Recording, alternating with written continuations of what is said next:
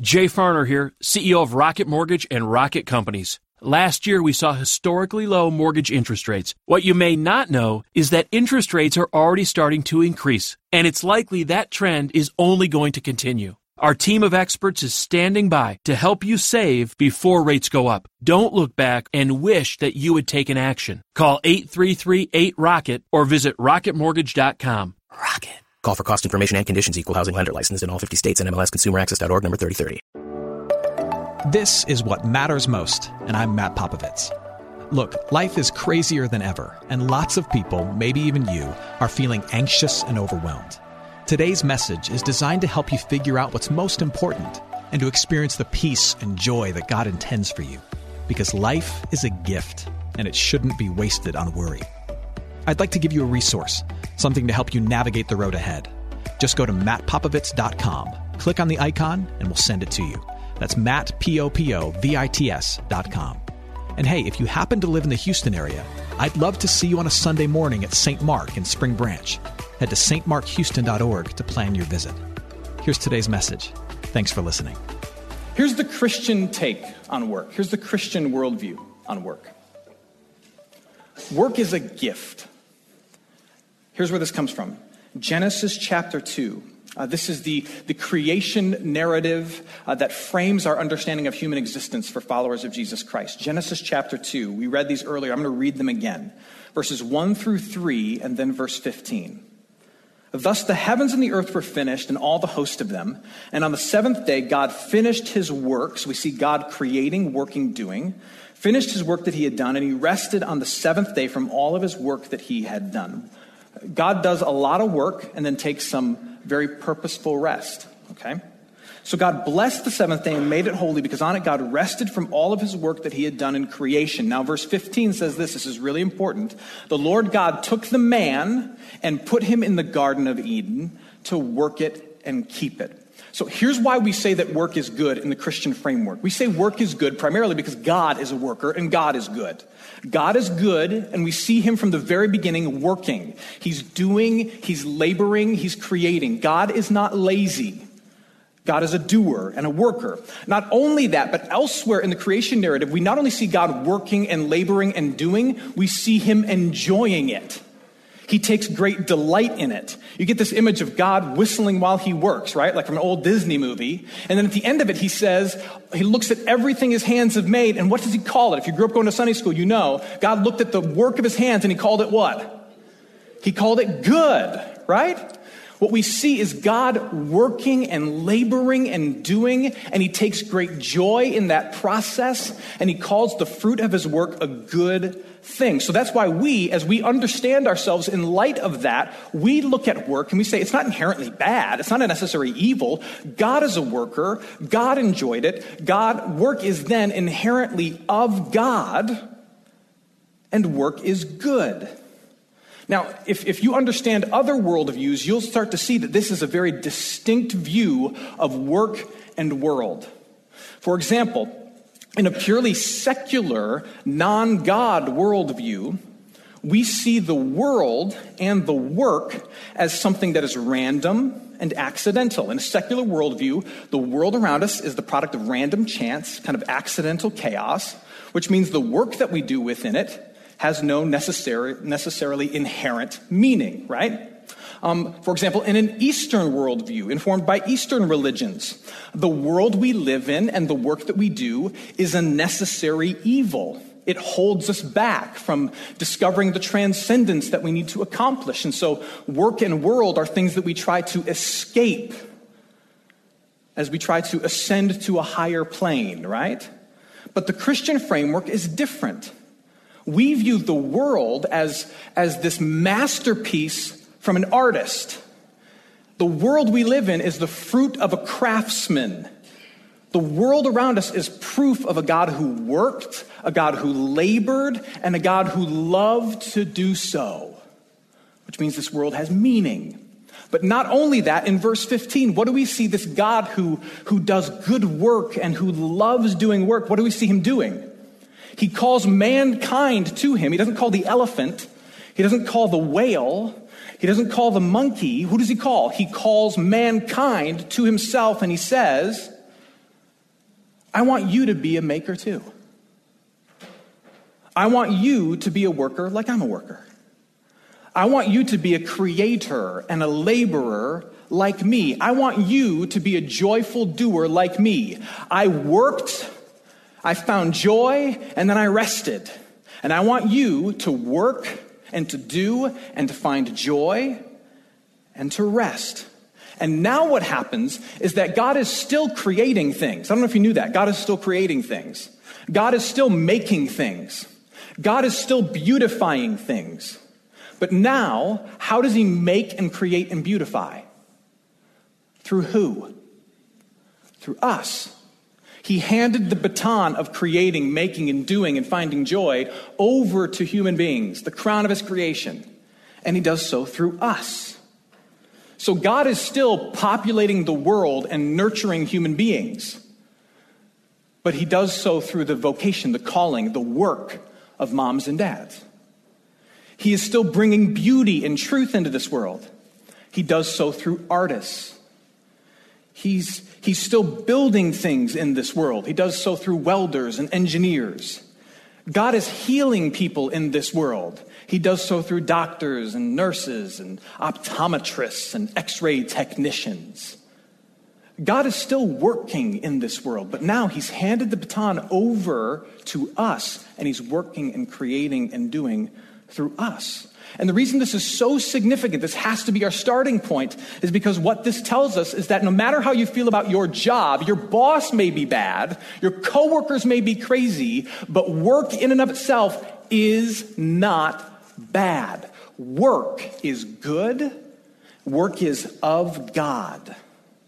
My work is a gift given to me by God to bless this world and bring joy to me.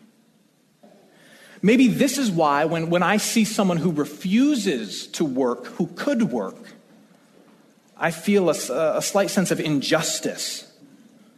Maybe this is why in an increasingly secular society, we still talk about work in supremely religious ways without any hesitation. Have you noticed that? We live in an increasingly secular, non God society, and yet when it comes to work, even the most ardent of unbelievers among us, we use religious terms to describe ourselves and our work. Without batting an eyelash, we talk about calling, we talk about using gifts. We talk about doing work that matters. We talk about leaving the wrong job for the right job. These are spiritual terms. To be called assumes someone who calls. To have gifts assumes someone who gives.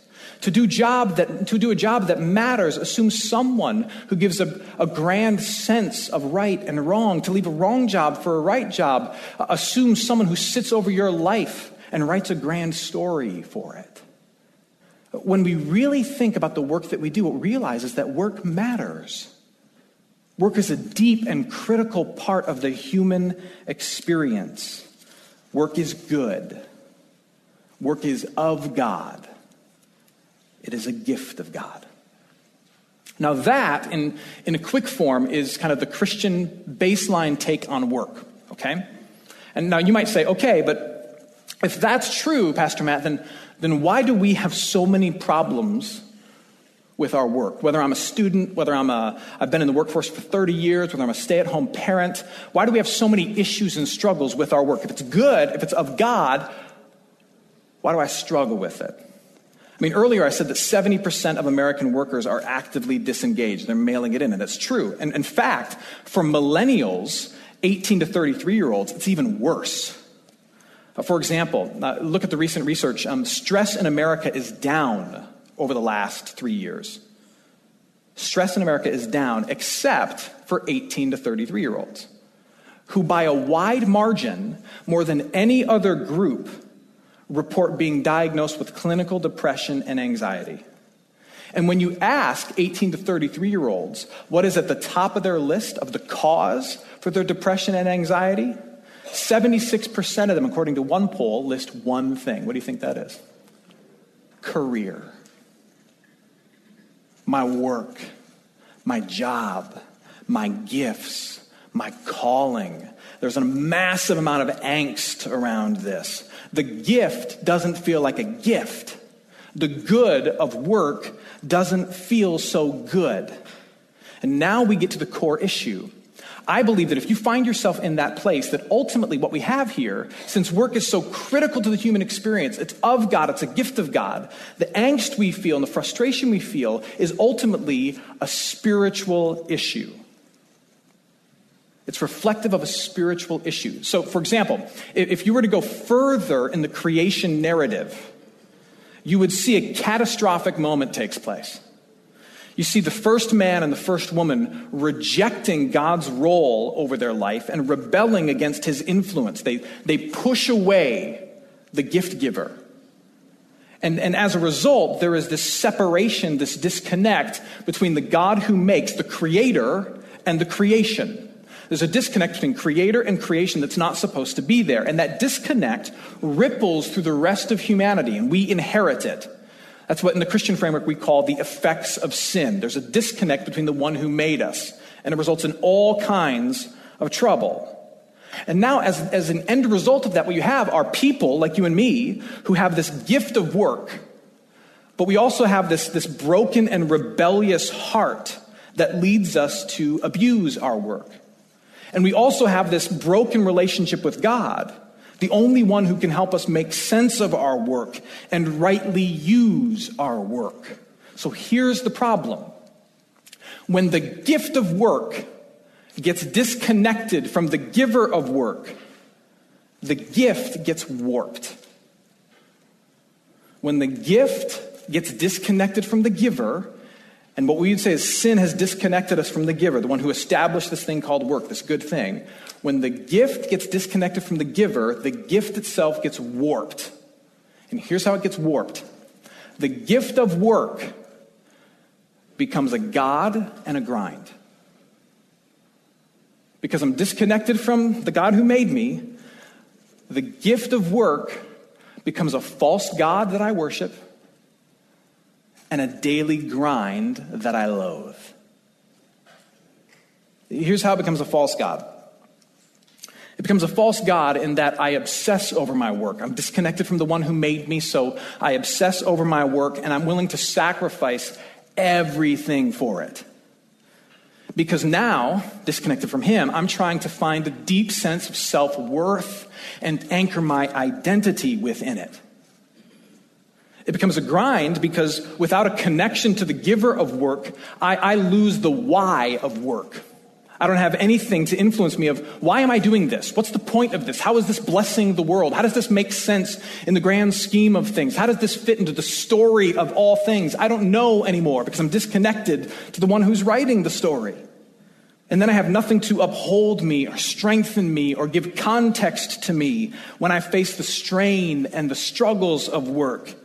And I find myself saying, What's the point of all this? And having one of those moments that you see, like in the movie Office Space. If you grew up in the 90s at all, you know the movie Office Space, where you kick down the cubicles, you start gutting fish on your desk, right? You have one of those moments. If you've seen the movie, that's a hilarious reference. Work can only truly be a gift to the fullest degree when I have a relationship with the one who gave me that gift. So now the question becomes this Where do you find yourself? Do you find yourself leaning towards your work being uh, a false God that can't save you, something that you obsess over? Or do you find yourself on the other end of the spectrum, uh, your work becomes a daily grind that you can't stand? And this applies to whatever vocation you find yourself in. I get far from the giver, and the gift of work becomes a God I worship that can't save me, or a grind I loathe that will never satisfy me. And then this is where Christ comes in. Christ comes in, and his role, his role in the history of the world, is that of a restorer. He restores the relationship. I hope you're enjoying today's message. For more of what matters most, you can head to mattpopovits.com. There you'll find other messages. You can support this ministry as well as access your free gift. Oh, and if you're looking for a local church and you live in Houston, come and see what's happening at St. Mark Houston. To plan your visit, head to stmarkhouston.org. Thanks for listening, and back to today's message. Look with me at 2 Corinthians chapter 5. This is how Jesus is described. 2 Corinthians chapter 5, starting at verse 17. We should have the words on the screen. It says this It says, If anyone is in Christ, he is a new creation. The old has passed away. Behold, the new has come. All of this is from God, here's the key phrase, who through Christ reconciled us to himself and gave us the ministry of reconciliation. That is, in Christ, God was reconciling the world to himself, not counting their trespasses against them, and entrusting to us the message of reconciliation. Reconciliation means that you take a relationship that's broken and you restore it. You take a means of communication between two people that was cut off and you repair it. You take bad blood that is flowing between two parties and you wipe it away. And there is now a full connection between two people who were cut off. And what Christ does is he restores the broken relationship between the giver of work and the doer of work. The one who gave the gift of doing and laboring and creating and those who have received the gift of doing and laboring and creating, and warped the gift of doing and laboring and creating. Uh, you see, we reject obedience, and Adam and Eve in the beginning rejected the authority of God, but Jesus embraces obedience perfectly, and he embraces the calling of God upon his life perfectly. We screw up our callings, Jesus lived his calling. We deserve separation from the Maker for the mess that we've made in all of our endeavors. But Jesus, then, in our place, he endures separation and punishment on the cross in our place. And what this does is this bridges the gap between the giver of the gift and the receiver of the gift. This, the life and death of Jesus Christ restores the connection between me and the Father. It bridges the gap between us and God. And through faith in Christ, the relationship is restored. And with that relationship restored, you and I now have access to all of the encouragement and the context and the comfort that we need as we work so that we warp it a little less. And here's some of the context and the encouragement and the comfort that God gives to you as you work. Christ has restored this relationship, and now here are the words you hear from the Father. What you hear is that your work matters. I don't care what you're doing, your work matters. Your art matters. Your spreadsheets matter. The deals that you have brokered matter.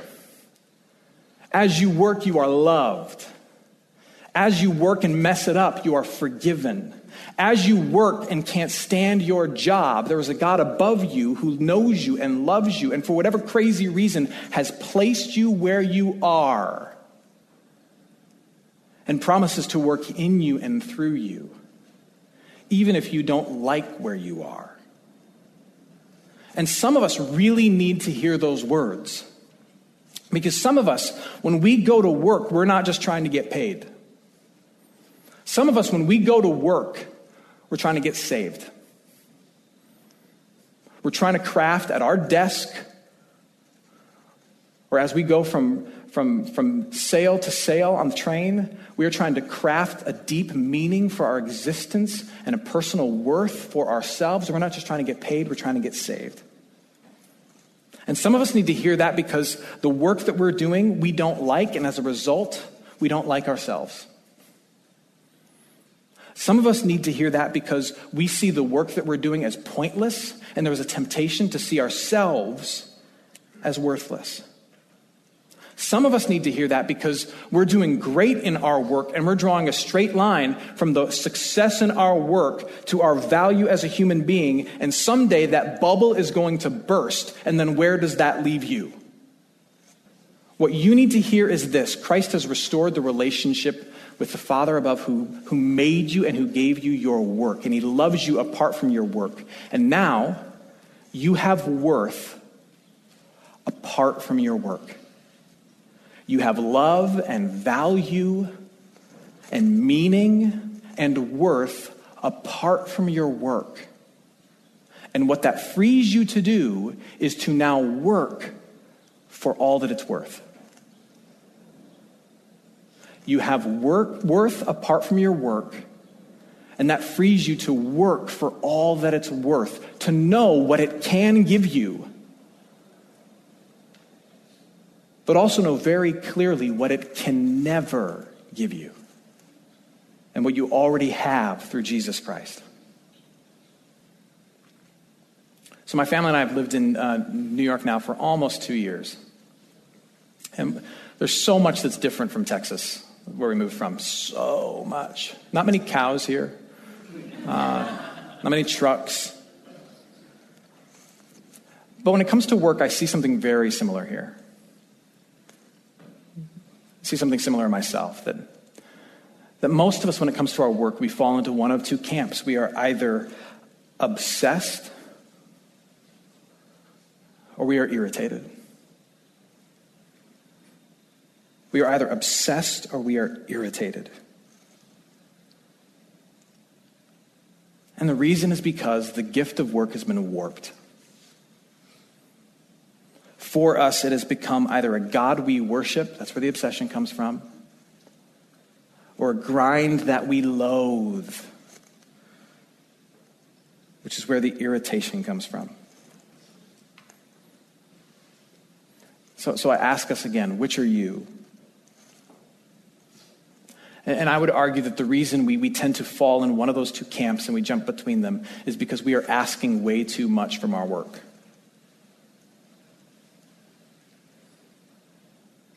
The reason you're obsessing over it is because you think you, it can give you things it can't give. The reason you're irritated with it is because you think it owes you things it does not. You'll never receive them. So, what we must do is we must find our work apart from our worth so that we can work for all that it's worth. You may ask this well, then how does a Christian go to work? Like, how do you see it then? Here's how a Christian goes to work a Christian goes to work first by going to Christ. A Christian goes to work first by going to Christ and you receive the gospel and you see where your meaning and your value comes from, and you see that your work matters because God has given you this gift of work and He's working through you no matter what you do, you go first to Christ and then you go to work. And your world is oriented rightly. Imagine two boys, they're brothers. Their dad is gone. Don't really know where he went. Uh, but before he disappeared, he uh, signed them both up for Little League, put them on a ball field but they missed their dad. One of the brothers responded by diving into the game, practiced every day, showed up every day. There was part of him that deep down inside believed that the harder he played and the better he played, maybe his dad would show up, right? His other brother responded differently. He showed up for practice, he came to the game, but without a dad to, uh, to coach him and encourage him and, and help him to understand the game, he started to resent it. He became kind of bitter. The void in their life from their dad warped the gift of the game that he'd given them. And one of them said, I'll, I'll fix the problem by trying harder. That's how I'll fix it. So he practiced. And the other said, I'll fix the problem by caring less. And so he checked out. But it didn't really resolve anything.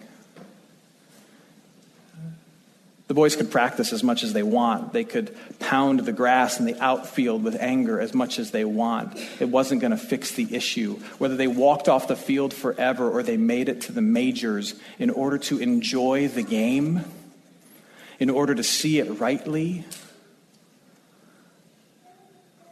what they needed was not more practice or more anger. What they needed was to know who their dad. For so many of us, our work is a deeper issue. Obsess over it or loathe it, what you need to know is the Father who gave it to you. So we can see it rightly, enjoy it rightly, and live it fully. And in Christ we can. Hey, it's Matt. I hope you enjoyed what matters most. Here's what I need you to know. Life is a gift, and it shouldn't be wasted on worry. I want to help you figure out what's most important and to experience the peace and joy that God intends for you. So, for more content, you can head to mattpopovits.com. That's Matt, P O P O V I T S.com. There, you can also support this ministry as well as access your free resource, a little something to help you navigate the road ahead. I'd also love to see you on a Sunday morning. If you're in the Houston area, head to stmarkhouston.org to plan your visit. In the meantime, hit me up on Instagram at mpopovits or at facebook.com slash Matt Popovits Ministries. Thanks for listening. Now go and hold tight to what matters most.